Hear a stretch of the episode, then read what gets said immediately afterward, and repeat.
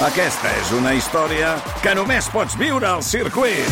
24, 25 i 26 de maig. Gran premi Monster Energy de MotoGP al circuit de Barcelona, Catalunya.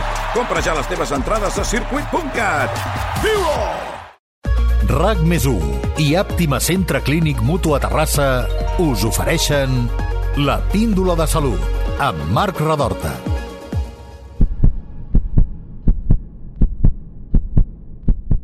Gairebé segur, en un moment o altre de la teva vida tindràs una lesió a l'espatlla. I no és casualitat. L'espatlla és l'articulació que més es mou de quantes tenim al cos i per la seva forma, la seva ubicació en el propi cos i l'alta freqüència d'ús, en algun moment o altre patirà algun tipus de lesió, ja sigui en els ossos o en els tendons. Les persones que practiquen esport amb regularitat ho saben perfectament i també saben que són lesions doloroses i que en alguns casos costen de superar. Avui respondrem moltes qüestions que a tots ens venen al cap. Aclarirem si quan patim mal a l'espatlla cal anar al traumatòleg o al fisioterapeuta. Descobrirem els tractaments més innovadors que que hi ha en aquest camp. I respondrem la pregunta que sempre es fan els esportistes. Quines possibilitats hi ha, quines possibilitats tinc de retornar a l'activitat que feia prèviament amb el mateix nivell d'exigència? I ho farem amb dues persones que ens acompanyen en aquest podcast. Una d'elles es diu Ramon Bosch i fa uns anys va patir una lesió important. L'altre és el doctor Francesc Soler, de Trauma Advance Àptima Centre Clínic. Ell és el traumatòleg que ha aconseguit resoldre el problema d'en Ramon i de moltes altres persones que han passat per situacions similars. Aixequeu els braços, sense por, perquè comença la píndola de salut sobre el mal d'Espanya. Put your head on my shoulder Hold me in your arms Doctor Francesc Soler, traumatòleg de Trauma Advance a Àptima Centre Clínic, benvingut. Gràcies. Abans d'abordar el tema de les uh, lesions, fem una lliçó ràpida d'anatomia. Definim l'espatlla, què és i quins elements la integren. Sí, l'espatlla, com molt bé has dit a la introducció, és l'articulació que més mobilitat té al cos humà i això és degut a una anatomia complexa. Amb una visió general, l'espatlla podríem dir que està formada des dels plans fondos fins als plans superficials per una estructura òssia, que són tres ossos, l'escàpula, l'húmer i la clavícula. Aquests tres, el, el moviment principal és entre l'húmer i l'escàpula, que el, la part que articula es diu la glena. En aquesta articulació seguidament tenim un embolcall, que és la càpsula articular, que aquest embolcall hi ha els lligaments que donen l'estabilitat a l'articulació entre l'húmer i la glena, i per sobre d'aquest embolcall hi ha els tendons de la còfia rotadora, dels tendons dels músculs supraespinós, infraespinós, subescapular, rodó menor, que són els que més freqüent tenen lesions, que després ja en parlarem, i per sobre d'aquests tendons hi ha, hi ha el múscul deltoides i altres músculs secundaris com el dorsal ample, trapezi inferior, etc. Vull dir que és una articulació Déu, complexa. déu de les coses que porta a l'espatlla, i a més estaves dient que eh, hi han tres ossos principals, Correcte. eh, però, però potser el més famós, que és, que és la clavícula, no? Mm. És, és el que potser menys es castiga, és el que té menys problemes? No, no, no, no, no. La, la clavícula sol donar problemes de traumatismes, de -huh. fractures, amb caigudes, per exemple, ciclistes, amb ciclistes motoristes, esquiadors, etc etc. Però no són els problemes més freqüents que podem trobar a l'espatlla. Ara, ara en parlarem. He llegit que la biomecànica d'aquesta part del cos és molt complexa i exigent. Per què? Correcte. Totes aquestes estructures tenen un moviment sinèrgic. Què vol dir això? Que es mouen d'una manera seqüencial. Uh -huh. Si una d'aquestes estructures té una fallada per alguna lesió, totes les que venen al darrere pateixen els efectes d'aquesta lesió i es mouen malament. Així doncs, si nosaltres agafem l'espatlla, hem de controlar bàsicament dins l'espatlla ens hem d'imaginar que hi ha tres articulacions, la de l'escàpula amb el tòrax, la de l'húmer amb, amb l'escàpula i la de la clavícula amb l'escàpula. Totes aquestes tres articulacions es mouen d'una manera um, sinèrgica, en podríem uh -huh. dir, d'una manera um, regulada. I això fa que el moviment sigui molt precís i sigui exactament el que volem fer. Si una d'aquestes estructures o el que les mou, músculs, tendons, falla, tot el moviment tindrà una alteració i doncs comencem amb els problemes. Uh -huh. eh, quines són les lesions més habituals, les més freqüents? Les lesions més habituals de l'espatlla són les afectacions dels tendons, siguin en forma d'inflamació, tendinitis, o sigui en forma de lesió, ruptura. Però aquestes dues són les lesions bàsicament més freqüents, tant dins l'àmbit de gent jove esportista com a gent més adulta o gran. Després entrarem una mica més en, en aquestes, ja que són les, les, més, les més freqüents. Um, com podem diferenciar l'origen del dolor a l'espatlla? L'espatlla pot tenir diferents orígens. El dolor de l'espatlla pot ser degut a una causa més inflamatòria, per exemple, un problema dels tendons, mm. també és la més freqüent. Pot ser que hi hagi un problema d'inestabilitat, és a dir, que l'articulació principal de l'espatlla, que és entre l'húmer i l'escàpula, la glena, la part de l'escàpula que articula, eh, els, aquests lligaments que hem dit que mantenien l'estabilitat s'hagin lesionat, per exemple, amb una luxació o amb uns traumatismes previs o amb una sobrecàrrega, un sobreús, i això provoca una inestabilitat que també dona dolor, o pot ser que l'espatlla es refereixin dolors que no venen pròpiament de l'espatlla. Per exemple, podem tenir problemes cervicals que irradin el dolor a l'espatlla. Un reflex, no? Correcte. I llavors això, evidentment, el pas principal i que nosaltres ens ha d'encendre la bombeta si el dolor pot venir cap a un cantó o cap a un altre abans de demanar qualsevol prova ha de ser l'exploració del pacient a la consulta. Uh -huh. I, I per què els esportistes tenen tantes lesions a l'espatlla? Ah, perquè l'utilitzen molt. Ah, és per l'ús. Clar, el problema està en l'esport. El problema està en l'esport. Però si sempre els metges dieu que heu de fer molt esport. Però si no es fa esport tens altres problemes ah, més greus, també és veritat. Això també és veritat. Um, els esportistes, l'espatlla és, és... Tots els esports que utilitzem el braç, uh mhm. -huh. s'utilitza l'espatlla. Des d'esports més senzills que utilitzem el braç fins a esports més exigents, des de nivells més bàsics fins a nivells professionals. I això és que si no tenim una bona preparació tant muscular com de força, el sobreús d'aquestes estructures al final provocarà una sobrecàrrega, aquesta sobrecàrrega provocarà una lesió de, dels tendons i això podrà derivar cap a una sobrecàrrega, una tendinitis o, en el pitjor dels casos, una lesió tipus ruptura. Però és que hi ha esports que també el moviment és com molt més repetitiu. Estic pensant, no sé, el golf, no? que, és, que és un sol moviment i que el, el fan moltes vegades al final del dia. Això, això, és, això castiga més? Eh, o no Depèn com es faci. Depèn de com es Depèn com es faci. Doncs aquí és molt important que esports tècnics, la natació, com, no? com el golf, la natació, aquests esports que són més tècnics que físics, sí. eh, la preparació hagi de ser molt acurada. Llavors, uh -huh. tenir um, un entrenador o algú que et dirigeixi, sobretot des de, des de les parts eh, inicials de la pràctica d'aquest esport d'una manera tècnica, evitarem que fer-ho malament i, en conseqüència, lesionar les estructures de l'espatlla. Doncs ara que parlem d'esportistes hem de donar la benvinguda a en Ramon Bosch, que és ni més ni menys que el president de la Federació Catalana de Natació. Això és tot un, tot un luxe, eh? Gràcies. En el podcast, uh, benvingut, gràcies per acompanyar-nos, Ramon. Moltes gràcies a vosaltres. Uh, en Ramon ha patit una lesió d'espatlla de certa gravetat, podríem dir, no? Més o menys. Um, I també ha estat en contacte amb molts esportistes, especialment, evidentment, amb nedadors i nedadores, que han hagut de superar uh, problemes similars. Ens pots explicar el teu cas? Ens pots explicar què et va passar exactament? Bueno, eh, moltes gràcies primer de tot per, per convidar-me. Eh, aviam, jo la història de, de la meva lesió comença precisament en un esport que no és, no és exactament l'esport de la natació. Jo sóc una persona que m'agrada molt l'esport i de jove havia practicat també un altre esport que és l'esquí i en el 2016 fent una, una estada d'esquí doncs, quiet vaig ser un moment determinat una cosa que també passa molt amb, amb aquest esport. Em van enrollar, se'm, se'm van portar per davant. El no estar preparat doncs vaig caure, vaig caure malament. I en aquell moment vaig tenir una fractura d'una de les peces que abans el doctor eh, anomenava que en aquell moment a mi em va quedar el nom del troquíter suposo que és un... una part del cap de l'húmer. de l'húmer, vale? Vaig ser i vaig tractar aquella part, això ja dic el 2016, i al cap de poc temps, amb aquest esport que m'agrada tant, que és la, la natació, i jo practico natació, però practico natació la part d'aigües obertes, i dins d'aigües obertes som normalment de travesses llargues, com uh -huh. comentava el fet de de moviments molt repetitius, doncs en el cas aquest, clar, una travessa de, de normal doncs poden ser de, a partir de 3 quilòmetres, a 6 quilòmetres, fins a 10 quilòmetres. I són hores, són... Són, poden ser en el meu ritme, perquè amb la meva modèstia, la sí. meva edat, jo vaig a un ritme, sóc una persona que nedo a un ritme lent, i per tant, quan puc estar en una travessa de, de 6 quilòmetres, 6 quilòmetres, i estic al voltant de dues hores. Estic sempre ratllant dues hores, dues hores i mitja, i a vegades estic amb algunes de tres. Això embrassades, no sé embrassades, si ho calculat, però, no, no, però deuen no, de ser un... No, no, millor, millor, que, millor, milers, no? No, millor, millor que no... Ho dic des del punt de vista de la repetició del, sí. de l'exercici, eh, del moviment. I en aquí és allà on te, crec que el, quan vaig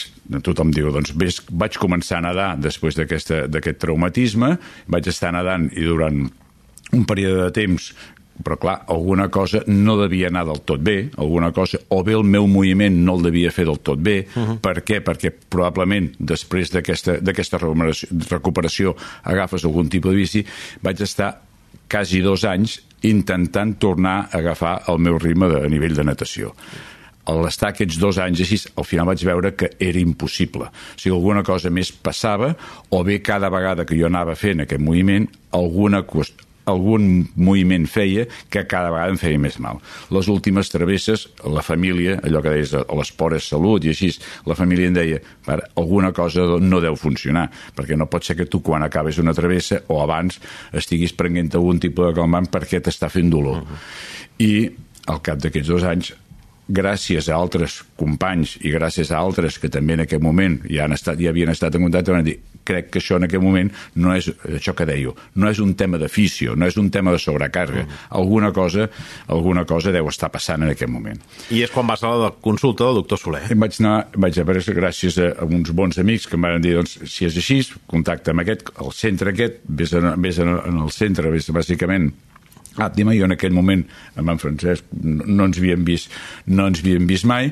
Arribo i quan vaig anar a la consulta va ser una cosa que vaig veure dir que aviam, potser em tarda massa perquè per ell va ser una cosa tan evident i va dir, no pots fer aquest moviment no pots fer aquest altre i, doncs el primer pas que hem de fer probablement tinguis aquest tipus de lesió en aquell moment no estàs preparat, no penses que, aviam, si t'han d'operar no t'han d'operar, per mi és de les coses aquelles operar, doncs ja automàticament penses això, això serà llarg. Perquè, perquè tu, tu, tu t'havies plantejat la possibilitat que fos una lesió crònica abans de parlar amb el doctor, eh? Que és, sí, sí, una mica sí. Passa que, pel cap, no? Sí, que, aquí he de dir, potser hauràs de ser així. I la veritat que l'última temporada de travesses normalment els, els focalitzem molt a l'època a l'estiu, jo n'he dut molt per la part de la Costa Brava, i l'últim moment, fins que va haver un dia un fet mm, bueno, claríssim. Va ser en un moment que em veig en una fotografia i veig el meu braç que té, un, té una posició que dic no és normal, jo sempre vaig, no, no, no posava bé el braç. Companys em van dir, doncs vés a veure, vés a veure Francesc, i aquests companys, gràcies, els he d'agrair perquè, clar, va ser una cosa clara que si el desembre, sé que abans de Nadal, sé que vaig venir, vaig venir a veure, i eh, vaig sortir i vaig dir crec que el més important és si ho poguéssim deixar solucionat ara al Nadal. També en vàrem parlar de que seria una recuperació. Eh, si jo feia bondat, doncs podia anar, podia anar relativament ràpid, però que jo havia de fer tota una sèrie de pautes. Perquè el diagnòstic exactament quin era? Que, que, aquí ja jo crec, jo crec, els dos, jo crec, eh? jo crec que, el millor, millor, que parli, millor que parli el doctor, doctor però... perquè jo sí que havia fet un desgast i sí que veia que cada vegada estava més deteriorat. Però aquí, jo aquí mm, crec que millor que el doctor agafi i sí, sí. en detall el del que em va trobar. El Ramon el que tenia era una ruptura d'un dels tendons, que és el supraespinós, uh -huh. que és un dels tendons bàsics amb la, amb la mobilització de l'espatlla.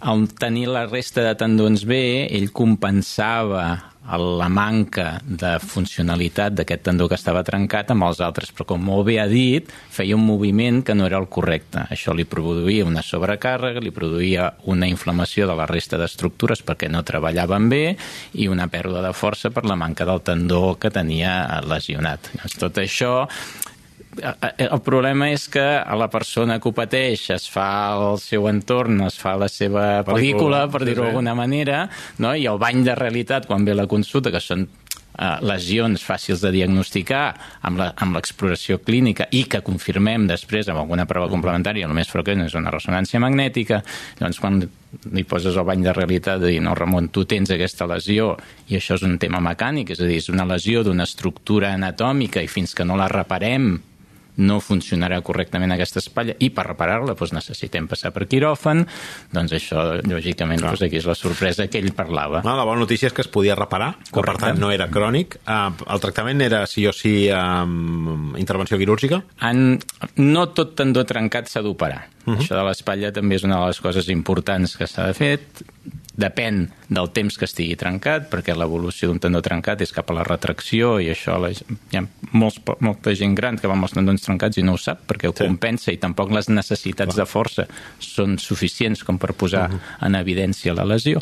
Però si una persona com el Ramon de la seva edat amb una lesió relativament recent o reparable del tendó i amb un nivell d'exigència mig alt d'aquesta espatlla, vam creure indicat fer la reparació i la prova és que ha tornat a, a realitzar la seva activitat uh, esportiva del mateix nivell que tenia abans. Sí, sí. Uh, abans comentaves que abans de passar pel doctor havies passat per un fisioterapeuta, no? Segurament. Sí, que és, havia, que és, que és havia, com... sí, clar, és el més normal, les sessions, no? les sessions típiques de, de fisioterapeuta i, i la, jo el que veia és que sí, era, era un, un tema cíclic. Mm. Anava a unes sessions al fisio, després en aquell moment tornava a nedar i al cap de, al cap de poc tornava i tornava a estar i anava empitjorant.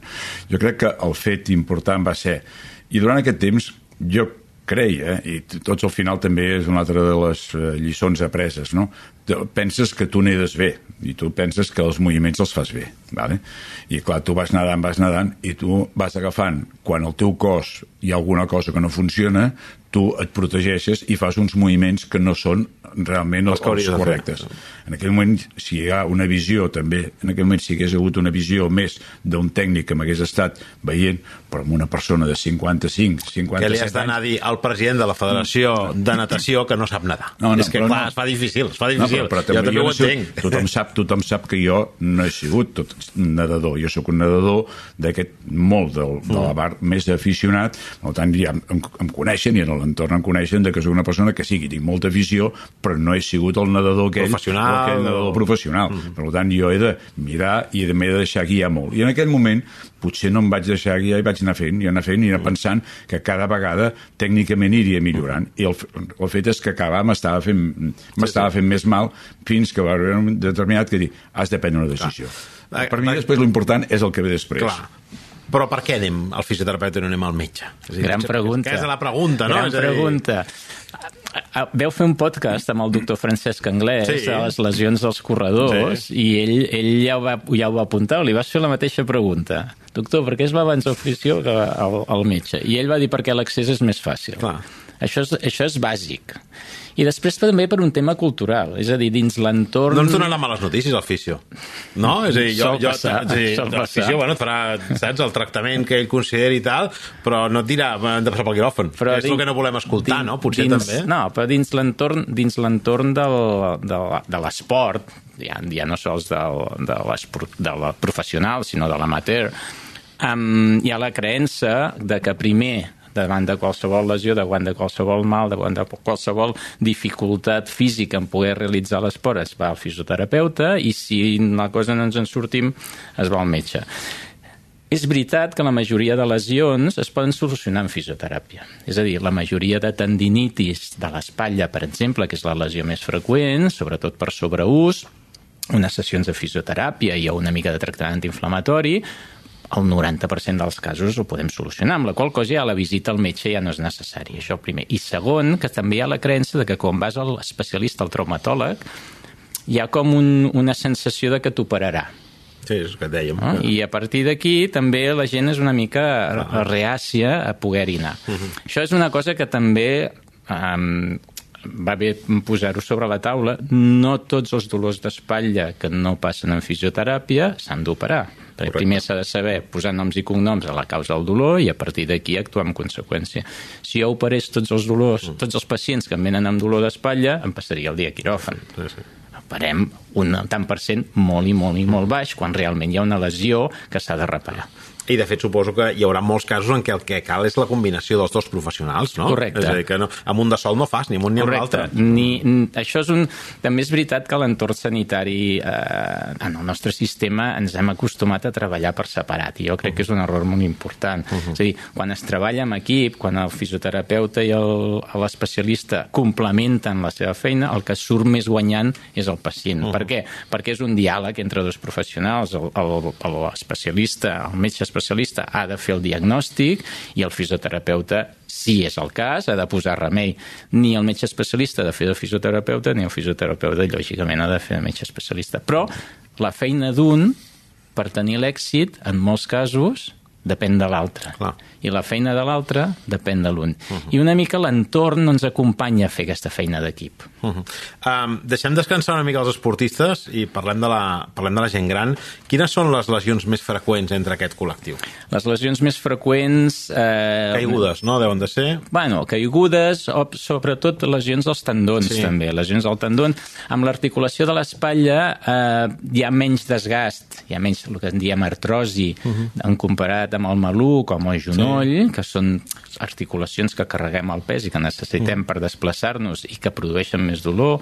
El, el, el desgast, l'artrosi de l'articulació de l'espatlla és molt més tolerat, molt més ben tolerat, perquè no, no caminem amb els braços, amb la qual cosa hi ha una, no hi ha una sobrecàrrega a la deambulació, però sí que les lesions més freqüents de la gent gran són bàsicament lesions dels tendons. O ruptures, que no vol dir que totes s'hagin d'operar, o inflamacions dels tendons. Clar, perquè amb aquest col·lectiu deu d'haver-hi algunes dificultats afegides en els tractaments, no? Correcte. Aquest col·lectiu és un col·lectiu que ja l'activitat física no és l'habitual de la gent del, del nostre entorn, la masses, les masses musculars són atròfiques, eh, les necessitats són menors, llavors una mica ens hem d'adaptar a, l'entorn en el que tractem el pacient per tal de donar-li la millor opció de tractament. Perquè la cirurgia és l'última opció sempre de tractament. En general, aquest és una mica el criteri global, no? de dir, escolta, intentem altres coses abans d'una intervenció, si podem, val? però eh, hi ha tècniques menys invasives per resoldre aquest tipus de situacions? El, la cirurgia és el tractament indicat segons el tipus de patologia. És a dir, hi ha patologies com la que va tenir Ramon, que quan es trenca un tendó en una persona amb les seves necessitats s'ha d'operar per tornar-lo a recuperar. No vol dir que tots els tendons trencats s'hagin d'operar, perquè hi ha gent, repeteixo, que va amb el tendó trencat i no ho sap perquè no, uh -huh. clínicament no es manifesta. Sí que és veritat que amb determinats eh, processos, com poden ser inflamacions dels tendons o calcificacions dels tendons, etc etc, hi ha altres tècniques que no són les quirúrgiques, que ho podem solucionar. I que l'última opció, i que gràcies a Déu és en la menor part dels casos, doncs l'opció quirúrgica és la que finalment solucionarà el problema. Molt bé, acabem ja amb els dos. Um, creieu que hi ha maneres de prevenir aquest tipus de lesions? No sé, què feu, què feu els nedadors per, perquè no us faci mal, diríem? Home, aviam, jo l'experiència que tinc després de, després de l'operació Sí. vaig agafar, i abans no ho he comentat, vaig ser molt, molt estricte amb el que és la part de recuperació. Uh -huh. eh, vaig estar treballant molt tot el que era la part, la musculatura, intentant fer tot unes taules de cares a que tots els muscles que hi ha al voltant de, de l'espatlla treballessin. Hi ha una anècdota que eh, encara a, a casa riuen i el doctor ja veig que també riu una mica perquè a casa meva, que és una casa de planta i pis, i en l'escala vaig anar posant una sèrie de gomes tipus Teraban, mm. una altra de més dura, més forta, etc, per poder fer cada dia les meves taules. Vaig aconseguir que, home, fent i siguent molt estricte amb el que era la recuperació, amb la recuperació al cap de 5 mesos ja estava una altra vegada nedant. He anat fent i he anat tirant endavant. Què ha passat? Ha passat una cosa que també crec que, que és convenient, és que al cap del temps, i amb l'època doncs, amb el- amb l'època de, de pandèmia, jo al principi vaig agafar i dic, no cometràs el mateix error. I iré amb un tècnic, i amb un tècnic que m'estigui mirant i visualitzant com faig la posició meva dels braços. El fet de no posar bé, el fet de no posar bé els braços, he anat... O sigui, això és el que em va portar una lesió. Aquesta vegada he anat bé. Ara fa relativament poc eh, que ens hem tornat a, ens hem tornat a trobar amb el, amb el doctor perquè, perquè en el moment que potser per la meva feina més a nivell de federació, potser per el tipus d'horaris i tal, ara estic nedant una altra vegada al meu ritme i a les meves hores i quan puc. Mm. I per tant no hi ha cap persona que estigui realment Clar. pendent tècnicament de mi. Uh -huh. què, què ha començat a passar? Que tot el que en aquí, en el- a l'espatlla dreta, havia aconseguit tenir bé, doncs ara s'està queixant, s'ha queixat l'esquerra. I en aquell moment estic en un període de, de com en diguem, de readaptació. Readaptació. He de readaptar perquè he perdut una mica el que és la part de simetria. Per tant, si he de donar un consell, si he de donar un consell a, a a tots, a tots els que practiquen aquest tipus d'esport, és sobretot que tinguin molt clar quin és l'esport, quina és tota la musculatura que han de treballar, tota la, la, la cinemàtica, doncs que hi ha d'haver-hi al voltant d'aquest element, d'aquesta articulació, que la treballin bé, i sobretot que tinguin molta cura de lo que és la part, de, de la part tècnica. Perquè la tècnica, si no fas bé la tècnica, sí, sí. et poden sortir lesions i poden ser lesions realment importants. Aquí és, sí, sí. per mi és el, el tema més important. Ha d'anar bé. Eh, doctor, mm, la última. Quins consells hauríem de seguir per estalviar-nos haver de venir a veure l'àptima? Uh, tal, una mica el Ramon ja ho ha apuntat, és a dir, qualsevol esport que utilitzem els braços és molt important tenir una bona, un bon to muscular. Uh -huh a vegades eh, ens obsessionem perquè ens agrada, perquè eh, eh, psicològicament és una vàlvula d'escape, eh, perquè ho fem amb amics, eh, practiquem l'esport eh, tècnic, per exemple, el pàdel. Uh -huh. No? Arribem, ràpid, ràpid, ràpid, anem a jugar perquè ja fem tard, perquè els altres tres ens estan esperant, ja hi havia cua per entrar a la ciutat, el que sigui. I ens posem a jugar sense fer un escalfament previ o, per exemple, no tenim un to muscular correcte a les demandes que nosaltres necessitem. Mai hem d'oblidar que nosaltres podem fer força si tenim força. Sí, sí. I la força es guanya senzillament fent força. Uh mhm. -huh. És a dir, que uns entrenaments de força, que sí, d'acord, que són avorrits, que, que no, no, no hi disfrutem, però ens ho hem de prendre com un medicament que ens evitarà precisament Correcte. Mm, molt bé. Doncs moltes gràcies, Ramon, pel teu testimoni en primera persona gràcies. i molts encerts al capdavant gràcies. de la eh, gestió de la Federació Catalana de Natació, que deu de ser un munt de mal de caps, imagino. Eh, I gràcies també al doctor Francesc Soler, traumatòleg de Trauma Advance a Àptima Centre Clínic, per ajudar-nos a conèixer molt millor les lesions més habituals a l'espatlla i el seu abordatge des del punt de vista mèdic. Fins a la propera tots dos. Gràcies a vosaltres. Gràcies.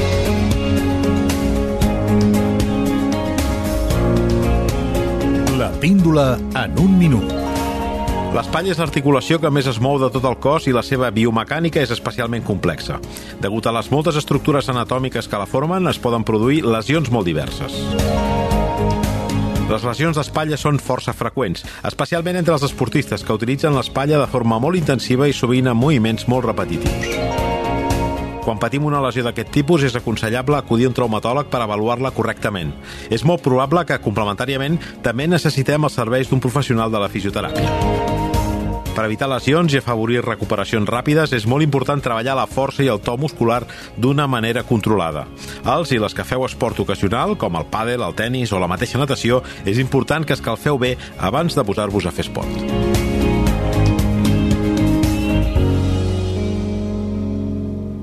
RAC més i Àptima Centre Clínic Mutu a Terrassa us han ofert la píndola de salut amb Marc Radorta.